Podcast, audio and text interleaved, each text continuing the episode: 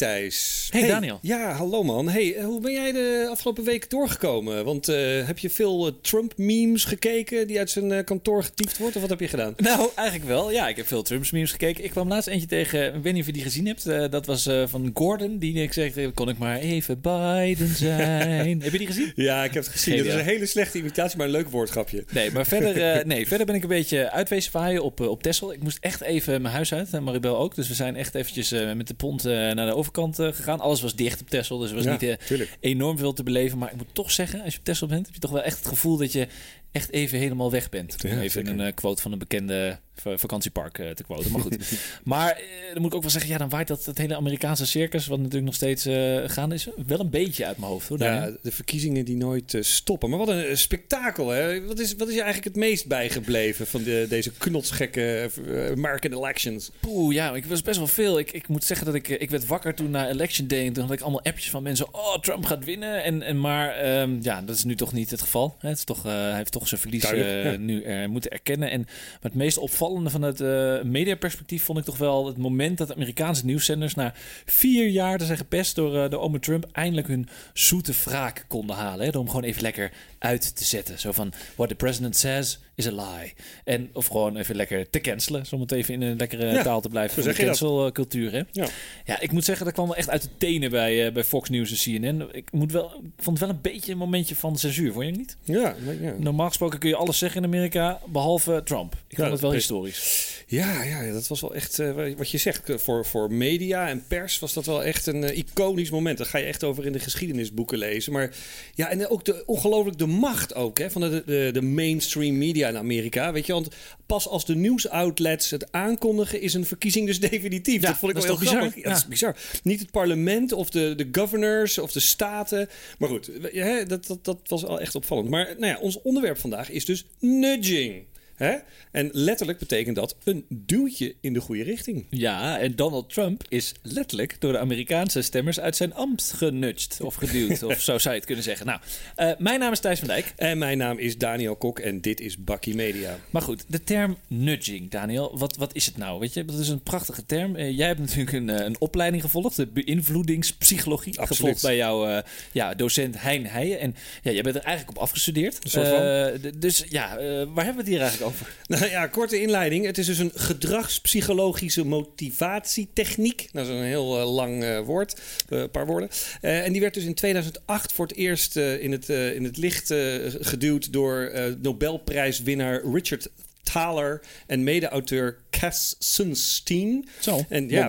Nou, zeker. En die schreven een boek met de naam Nudge. En uh, ja, weer een Bookie Media tip trouwens. En ja, je kent uh, die beroemde voorbeelden vast wel. Hè? Het vliegje in de urinoirs bij Schiphol, waar je dan tegenaan uh, gaat mikken. En de traptreden in de vorm van pianotoetsen, zodat mensen meer de trap gaan nemen. Zo pling, pling, pling. En... Ja, die zijn, die zijn wel wereldberoemd ook. Ja. Hè? Maar ik, ik las dus ook tijdens ons research voor dit onderwerp vandaag nog een heel ander mooi voorbeeld, die ik dus nog nooit eerder had gezien. Dat noemen ze de Flitspaal Loterij. Ja. ja, dat was een, uh, een idee uit Amerika, uh, wat ze in Stockholm hebben ingevoerd. Nou, typisch weer voor die Zweden natuurlijk. En iedereen die zich dus perfect aan de snelheid hield, hè, deed automatisch met zijn nummerbord mee in een loterij.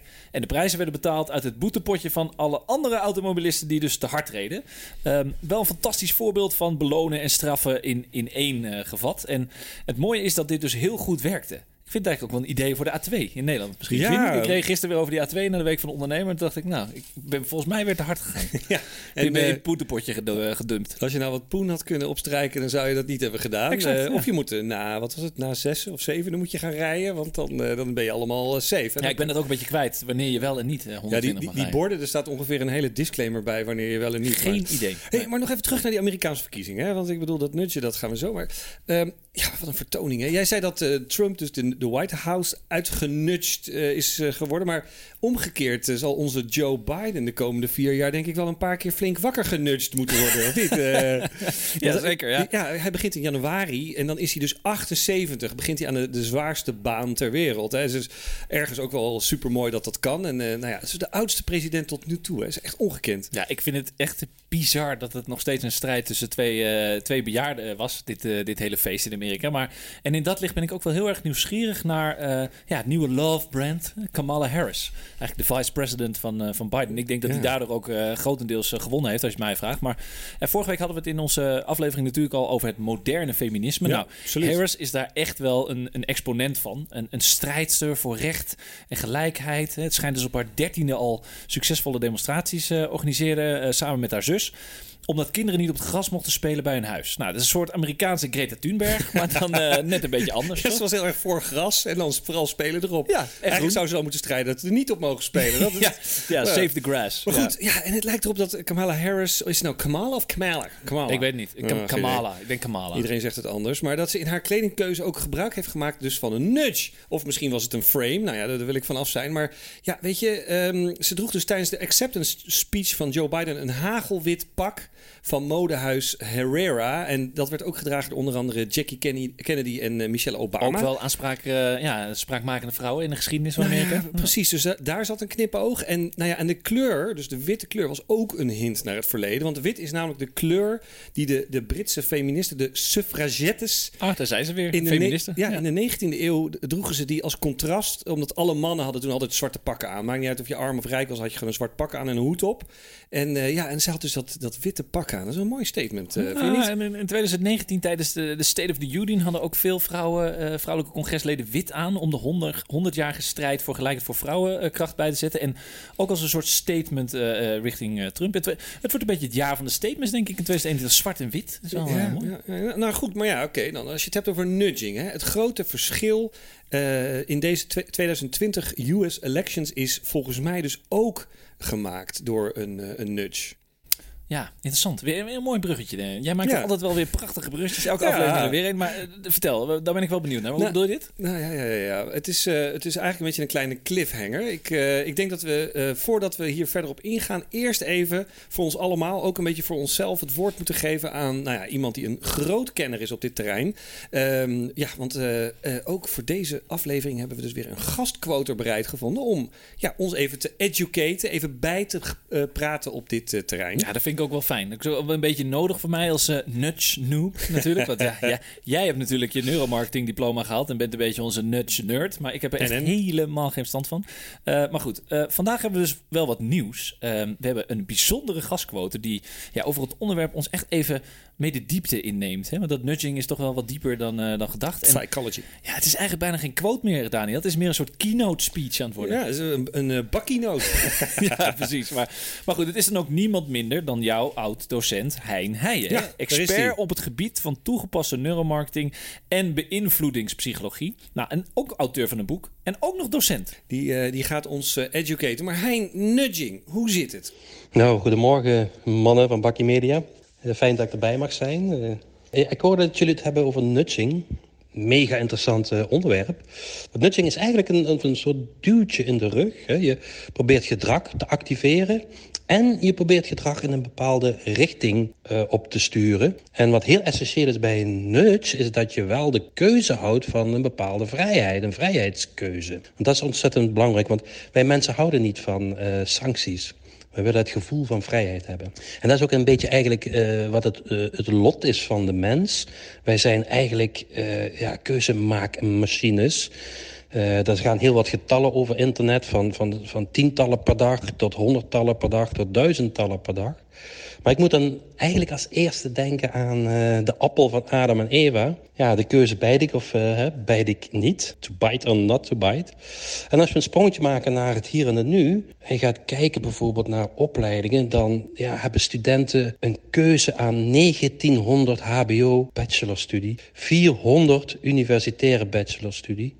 Als je naar de supermarkten gaat, zijn er wel 95 verschillende smaken chips ja, 60 verschillende soorten tandpasta, 360 verschillende soorten shampoos. Ja, zelfs met het kiezen van een partner door, door Tinder en andere datingsapp ja, is het aantal keuzes uh, is gigantisch toegenomen. Als je het vergelijkt uh, met vroeger, dan was het meer de omgeving waarin je zat. Hè, de school, de middelbare school. Daar leerde je je partner kennen. Of de kerkgenootschap of de buurtgenootschap. nu ligt de wereld voor je, je voeten. Maar behoud van keuzevrijheid is ons hoogste goed. Waarom? Nou, keuzevrijheid geeft je een gevoel van autonomie. En Een gevoel van autonomie geeft ook een gevoel van... hé, hey, ik heb grip op mijn leven. En dat opgeteld leidt ook tot een bepaalde levensgeluk. Want wat we dus niet willen, is dat ons iets wordt opgelegd. En kijk maar wat er gebeurt met de coronaproblematiek. Ons worden ons beperkingen opgelegd. We moeten op afstand blijven. We mogen niet meer naar de kroeg toe. We moeten een mondkapje op. Ons sociale leven, de vrije keuze om sociaal te leven, is ons afgenomen. En dan, dan krijg je protest. Hè? De mensen gaan daar tegenin. Uh, daarnaast is het ook als je... we zijn keuzemachines. Uh, we vinden het niet prettig als er te weinig keuzes zijn. Dat geeft geen goed gevoel. Maar ook niet als er te veel keuzemogelijkheden zijn. Dat geeft ook niet uh, het prettige gevoel. Zo is er bijvoorbeeld een experimentje geweest, heel leuk, met jam. En mensen konden kiezen uit 24 verschillende soorten jam en de andere groep uit zes verschillende soorten jam. Maar wat opvallend was, dat de mensen die konden kijken naar 24 verschillende soorten jam... het wel interessant vonden om de informatie op te nemen, te vergelijken... maar ze hadden moeite om de definitieve keuze te maken van een bepaald soort jam. Echter, in vergelijking met de mensen die zes verschillende soorten jam uh, konden kiezen... die waren wel wat minder uh, geïnteresseerd qua tijdsduur voor de verschillende soorten. Maar die besloten wel daadkrachtiger één van de zes te kiezen. Uit de 24 verschillende soorten koos maar 3% een definitief jam. En uit de zes verschillende soorten jam koos 30% nou merkelijk een jam mee naar de kassa. Dus we lijden in deze tijd aan keuzeverlamming en een keuzestress. Nou, wat is het verschil? Keuzeverlamming krijg je als uh, een groot aantal gelijkwaardige opties er zijn waaruit je moet kiezen. Dus de producten lijken te veel op elkaar. En dan weet je niet wat je moet kiezen en je verlamt. En keuzestress krijg je als er een gewoon te veel aantal keuzemogelijkheden zijn, waardoor je door de boom het bos niet meer ziet. En nou komt nudging inzetten. En eigenlijk is het een soort keuzearchitectuur uh, het, het, het, vormt, zal maar zeggen, het proces van het maken van keuze. En dan kun je eigenlijk drie soorten verschillende nutjes uh, kun je, uh, in een categorie zetten, zeg maar. Dat is het aanbieden van een standaardoptie, dat is één. Het inzetten van sociaal bewijs, social proof, dat is twee. En gewoon de keuze heel simpel, heel makkelijk toegankelijk maken, dat is de derde.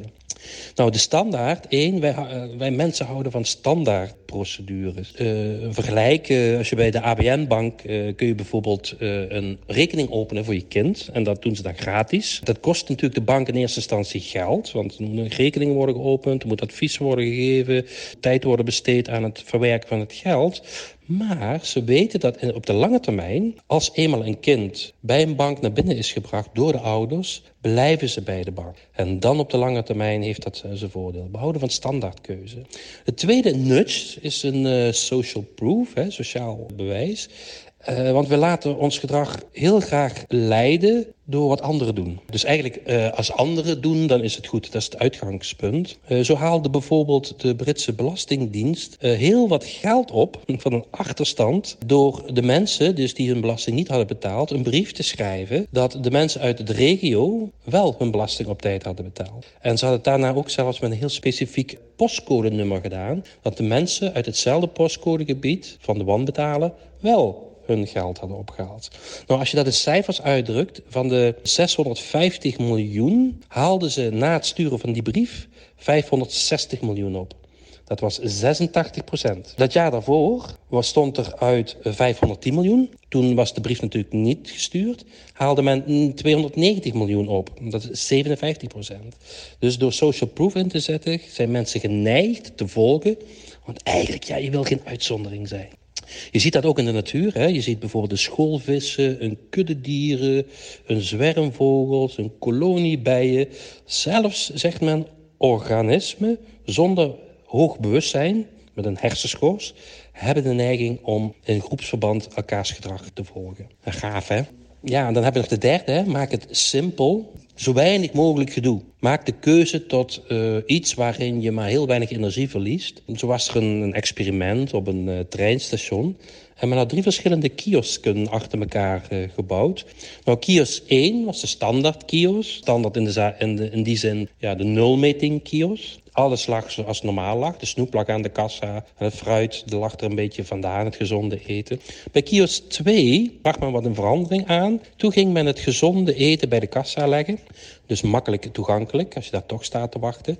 En bij kassa 3 deed men hetzelfde, maar ook een tekst erbij van... Mensen, wij helpen u heel graag met het maken van een gezonde keuze. Nou na een tijdje ging men kijken hoe de omzet was van de producten. En wat bleek, inderdaad, bij kiosks 2 en 3 werden plotseling heel veel gezonde producten verkocht. Maar het maakte niet uit of die tekst er nou bij stond, ja of nee. Het gaat er gewoon om, leg de producten binnen makkelijk handbereik uh, voor een uh, consument. En hij kiest altijd voor de makkelijkste optie. Dat heeft te maken met energie. Want we willen met zo min mogelijk energie het, het hoogste rendement halen. Dat is een van de drijfveren waardoor we zeggen... kijk, ik heb een goede keuze gemaakt. Eh, de tweede drijfveer die ons uh, aanzet tot een goede keuze maken... is dat we gewaardeerd willen worden wat betreft onze keuze. En met name, en dat is interessant, wil je gewaardeerd worden... door de mensen waarmee jij je het meest identificeert. En ten derde keuze moet ons een positief zelfbeeld geven. Kijk eens, ik heb alles onder controle, ik maak steeds de goede keuze. Dus dat zijn de drie drijfveren. Efficiëntie, waardering en een positief uh, zelfbeeld. Dus de nutjes vanuit drie categorieën, die, die kunnen worden ingezet. De standaard uh, optie, sociaal bewijs en het versimpelen daarvan is heel belangrijk. Dus mijn vraag aan jullie is, om eens te gaan ontdekken bij jezelf. Wanneer hebben jullie ooit eens de makkelijke optie gekozen Wanneer was dat aan de hand van social proof? Of aan de hand van uh, dat het gewoon de standaard optie was? Dat is interessant. Probeer eens dat te ontdekken bij uh, jezelf. Ja, interessante keynote hoor, Daniel. Mooie voorbeelden ook van die potten jam, uh, de kiosken. Maar vooral de theorie erachter en de, de soorten nutjes die er zijn. Dat vond ik echt wel heel erg uh, boeiend. Het, het, bieden van een standaard optie, het sociale bewijs. Hè? You're not alone, je bent niet alleen in deze beslissing. Uh, en dan de gemaksoptie, maak het simpel. En ja, dat herinner ik ook nog wel vanuit het boek van Chialdini, wat ik ooit gelezen heb. Invloed, dat heb ik jaren geleden gelezen. Daar kwam dat voorbeeld van die potten jam, of misschien was het wel potten pindakaas, ook naar voren. Waarbij ze eigenlijk zeggen, ja, meer keus is niet altijd beter. Ja, ik vind het ook wel weer grappig dat, uh, dat het dus eigenlijk bestaat uit drie elementen, dit, uh, deze uh, theorie. Dus dat is ook eigenlijk een soort frame. Hè? 1, 2, 3. Het is altijd goed als het drie hey, elementen Dat heeft Steve Jobs ook overgenomen. Heb je dat uh, ooit gezien bij nee. de introductie? Nee, heb je nee, nooit nee, de introductie van de iPhone gezien? Dat Steve Jobs de rule of three had. Ja, ja, ja. Oh nee, dat. Ja, it's dat. a phone, it's the internet, It's the iPhone. Dus het is framing. Dus ja, het, ja, uh, werkt altijd. Maar ja, en dan is de vraag uh, hoe, uh, van Hein aan ons... hoe wij dus in het verleden zijn genutcht. Of hoe, hè, wat onze ervaring is. En um, interessant voor iedereen die dit luistert... om dat ook even bij jezelf te doen. Toch even te kijken wat, of jij dat ooit hebt meegemaakt. En als ik voor mezelf moet antwoorden... denk ik dat ik heel erg gevoelig ben... en iedereen, voor social proof. Hè? Ja, een beetje ik, de goedkeuring van, ja, van de mensen om je heen. Maar ook gewoon inderdaad, inderdaad net, net als met die, met die potten jam... Weet je, als iedereen iets doet, ook wel de, Booking.com uh, frame, weet je wel. Als dat, uh, oh, oh, uh, het is bijna uitverkocht, iedereen is aan het kopen, dan moet ik het ook dus kopen. Dus ja, ook met die hamsterperiode in de eerste coronagolf ging je ook toiletpapier halen. Ik nee, ik doe niet aan hamsteren, toch even een extra even extra pakketje, wc-papier erin. ja. Nou ja, maar dat is dan ook weer schaarste. Dus ook als het er ja. niet is en je ziet in één keer dat ene pakje rijst oppakken. Word je toch genutst richting die wc nou ja, rollen. Dit is dus ook, dat hamsteren was denk ik ook echt een hele mooie voorbeeld van social proof. Maar bijvoorbeeld, wat dacht je van de schoolkeuze voor je kinderen? Hè? Dus zowel uh, de lagere school, de basisschool, als de middelbare school. En mijn oudste dochter Maxe, die gaat komend jaar een schoolkeuze maken voor ergens een leuk VWO'tje in het Kemmerland. Uh, uh, area.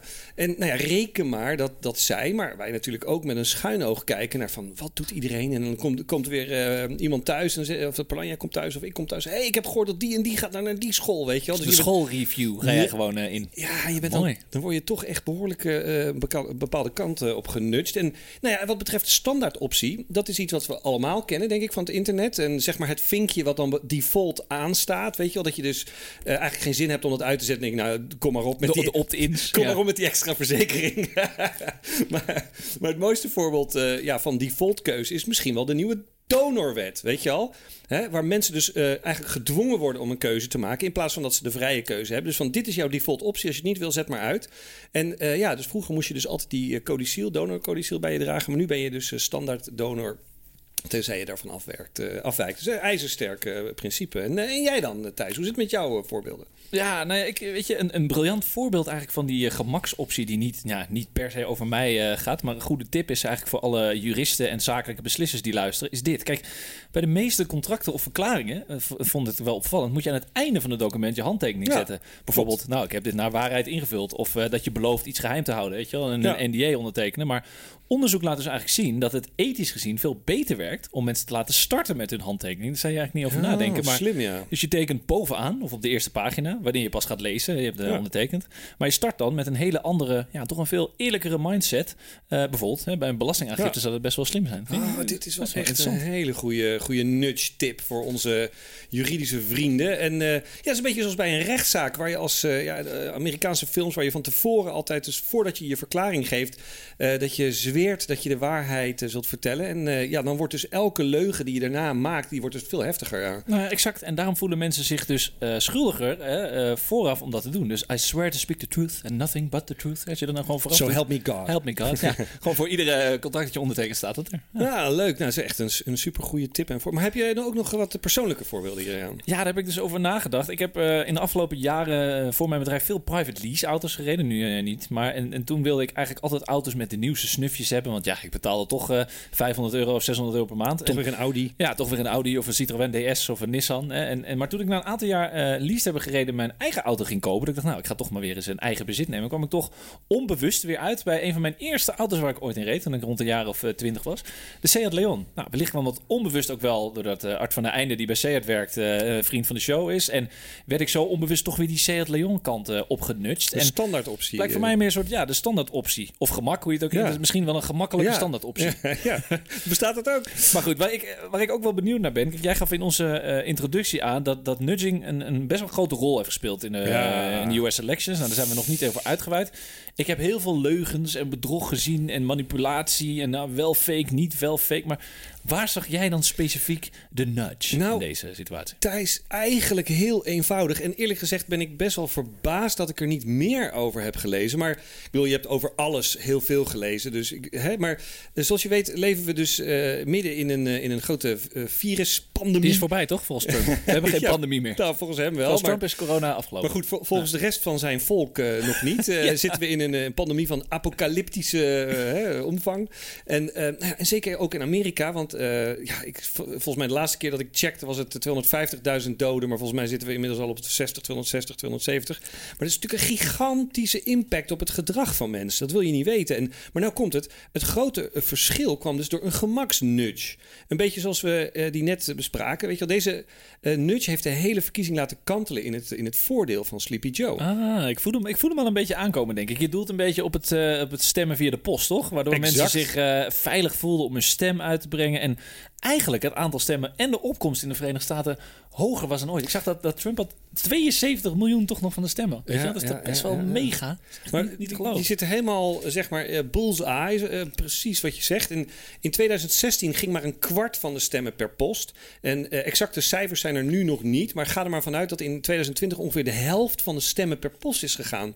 En veel mensen die hadden geen zin, inderdaad heel logisch, om ja, in een soort ru klein ruimtetje met allerlei hoestende vreemden hun stem uit te brengen. En ja, je moet niet vergeten, mensen zijn natuurlijk altijd risicomijdend. Hè? Maar goed, je zou dus eigenlijk kunnen zeggen, als ik jou zo hoor, dat, dat het virus, het coronavirus, hier gewoon een verschil in heeft gemaakt. Dus nog zonder de, de nudging. Ja, dat, dat is ook zo in basis. Maar deze postal votes, die werden dus van tevoren, dus voor de verkiezingen, maanden van tevoren al enorm uitgespeeld in de media. En vooral omdat Trump bij voorbaat al, al rondbazuinde van dat dit soort stemmen uh, frauduleus waren. En de post die was allemaal heel erg onbetrouwbaar, doe het niet. En hij heeft dus heel actief zijn volgers aangeraden niet per post te gaan stemmen. En uh, hij heeft eigenlijk de gemaksoptie uh, weggenomen. En bij Biden, die heeft dat gewoon gezegd... nee, ga maar lekker uh, per post stemmen. Prima, geen probleem. Ah, maar net, nu snap ik het ook. Weet je, jij kwam natuurlijk naar Election Day en nou, we won. Hè, want de poststemmen waren nog lang niet, uh, geteld. Maar ja. feitelijk heeft, heeft Trump dus eigenlijk... een soort anti-nudge toegepast. Doordat ja. hij de, de gemaksoptie blokkeerde voor zijn volgers. Exact, en dat heeft hij hem dus eigenlijk achteraf de kop gekost. Ja. Ik denk wel dat je hier een punt hebt. Dat is wel interessant. Hè? En, en hey, maar uh, het woord corona is inmiddels uh, een aantal keer gevallen. Wij kregen inspiratie voor dit, dit onderwerp over nudging. Wat eigenlijk ook een beetje voelt als een soort uh, nutsbar. Lekker woord, hè? Nudge. Nudging. Nudging. Nudging. Zeg het een keer. Nudging. Ja, we gaan er een werkwoord van maken. We gaan het introduceren als het woord van 2021. Ja, precies. maar we werden eigenlijk geïnspireerd door een recente column van Ben Tichelaar in het, in het NRC. Het ging over de communicatie van de overheid, waarmee ze het publiek willen overtuigen zich beter hmm. aan de coronamaatregelen te ja, houden. Ja, uh, anderhalve meter, uh, thuis blijven, handjes wassen, geen handjes geven, maskertjes. Ja, uh, niet spuugschermen die ik hier voor me zie. Exact, ja, de spuugschermen die we zien. weet je wel, netjes schoonmaken met alle papiertjes. Nee, ja. nee precies. En, en, en Ben Dichelaar refereert in zijn artikel van, van, naar voorbeelden van onderzoek naar campagnes die recentelijk door overheden zijn ingezet. Zoals het tonen van de risico's van niet luisteren. En dit was vooral toch traditionele communicatie.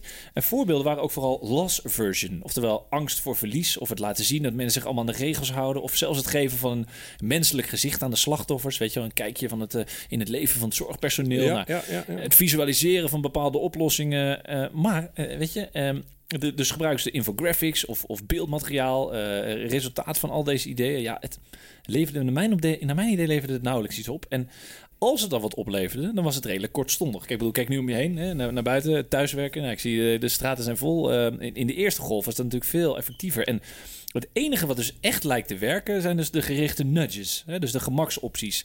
Klaphekjes, nou je zei het al, spuugschermen, uh, mondkapjes uitdelen bij de ingang van een winkel, uh, pijlen op de grond, uh, vakken maken. Nou ja, ga zo maar door. Hè? Ja, het is wel grappig. Ik las ergens inderdaad, dat zal je ook wel aanspreken, bij het pontje hebben ze op een gegeven moment een rode, achter Centraal Station Amsterdam hebben ze een rood en een groen vak Ja, met voetjes waar je op moet staan. Ja, en mensen gaan automatisch dan op het groene vlak staan en niet op het rode vlak. Dat zit gewoon op een of andere manier En je hebt nu met je voetjes daar staan, dan sta je precies op anderhalve meter van de voorganger. ja, dat is heel goed gedaan. Ja, precies. Op de pont zelf maakt het niks uit, want er staat toch iedereen dicht op elkaar. Maar het, het, idee is goed. Maar het is wel grappig wat je zegt. Hè? Dus alle communicatie met alle uh, psychologische, gewoon standaard communicatietrucs. Dus gewoon alleen maar woorden of tekst of beeld. Dat werkte uh, uiteindelijk niet, uh, wel een beetje, maar niet goed genoeg.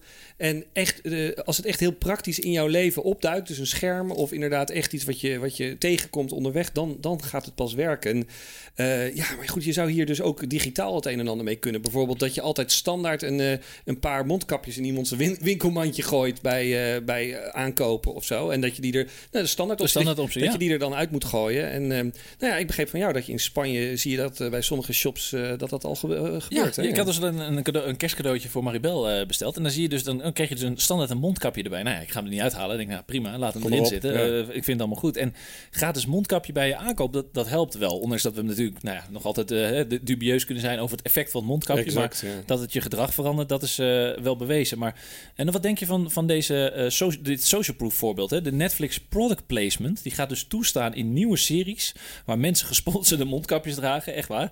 Of dat er producties gaan komen waar acteurs social distancing gaan introduceren. Ja. Dat is uh, wellicht wat voor een nieuwe serie op Videoland. Een soort social, De social distance, nou ja, het is natuurlijk wel zo dat bij zo'n Netflix-serie... zoals The Crown, wat ik nu zit te kijken... dat dat echt minstens... Seizoen 4 ben je al aan begonnen. Ja, ik ben ja. al bijna doorheen, joh. Maar dat, dat duurt natuurlijk minstens een half jaar en vaak langer. Uh, dus wellicht is het dan net te laat als het klaar is. Maar... Ja, nou ja, met het tempo van dit virus uh, zou dit best wel eens de moeite waard kunnen zijn. Daarin, we, we zitten elke keer weer in een nieuwe golf. Uh, en ik denk toch dat we moeten leren leven met corona. Het enige zinvolle wat Trump de afgelopen tijd tijdens de verkiezingen heeft gezegd. Denk nou ja, als je het hebt over zo'n dramaserie, denk ik dat het misschien nog wel goedkoper is als je alle jongeren in Nederland, of misschien wereldwijd, tussen de 15 en 30 een half jaar gratis abonnementen geeft op Netflix, Prime en Disney. Oh ja, dat is een goed idee. Ja, dan nut je ze allemaal een beetje soort van om uh, binnen te blijven. Dat ja, is gewoon een soort, uh, gemaksoptie. En dan, dan krijg je hele andere problemen over een paar jaar, maar goed. Ja, ja een soort stay home and binge for free campagne. Ja, of ja. Misschien moeten wij wel met Bakkie een soort dating service starten, genaamd Free Love. Waar alle datingpartners gegarandeerd vlak voor de date negatief getest zijn op, op COVID. Zo van login met je testresultaten. Oh, dat is een goede. Ja, maar weet je, dan testen we iedereen zowel op COVID als op geslachtsziektes. Weet je, dat is dan het pluspakket wat je erbij.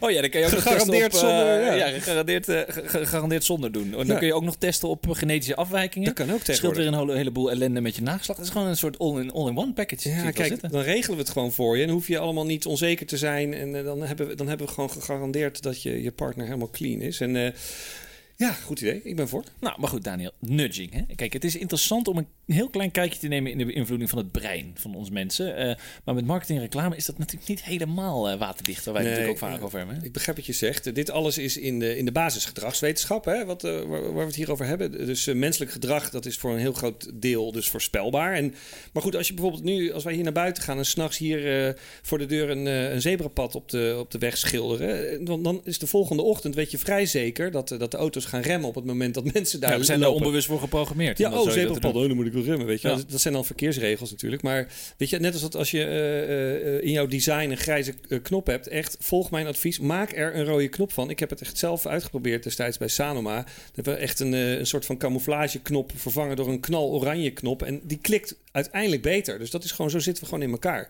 Het zijn gewoon onderzochte en bewezen principe, principes. Maar zodra je een media, marketing of reclamecampagne gaat starten met uitingen die je gaat creëren, dan krijg je te maken met belangen, dan krijg je te maken met, uh, met weet ik veel, smaak, compromissen. De een vindt dit en de ander vindt dat. Weet je, en dan gaat het een beetje verwateren. En dan moet je dus maar afwachten of het gaat ja, Toch een beetje het subjectiviteitsprobleem in de marketing. Hè? De wetenschap brengen in de marketing zou toch, uh, zou toch goed zijn. Ja, dat is toch een baas met een, met een grote, grote auto die zegt, nou, dat vind ik niet. Ik wil, uh, ja, maar dat is toch een beetje wat we allemaal hebben in de marketing en media-industrie. Dus heel veel, blijft nog steeds veel onderbuikgevoel. Egotjes. Wat we, egotjes en zo. Nou, dit is mijn smaak en dit is jouw smaak. En dan wie heeft de langste smaak. Ja. Maar goed, uh, nou, net als bij de overheid eigenlijk met hun corona-uitingen. Kijk, jij, ja, Daniel, in een recent artikel van, van Helen Edwards in de Marketing Week werd eigenlijk het hele nudge van de consumenten uh, nou, best wel uh, bekritiseerd. Van een interessant stuk. En daarin werd gesuggereerd dat nudging ook wel richting nou ja, echte manipulatie gaat. Nou ja, gek zeg. Dat is net als, uh, net als marketing. zeker, zeker van dat perspectief. damn lies. Potverdorie, dat marketing is allemaal manipulatie. Nou ja, je weet niet wie of wanneer jij, wie of wat jou stuurt. Of wat exact het motief erachter is. Nudging vanuit de overheid voor het donorregister of ter stimulering van de coronamaatregelen accepteren de mensen omdat dat voelt als een goed doel. Nou ja, oké. Okay, in hoeverre mensen dat echt accepteren. Maar dat goede hè, in de verkeerde handen kan ook tegen je gaan werken. Als, als iets of iemand anders een, eh, een ander doel mee dient. En er is dus meer, zei dat artikel.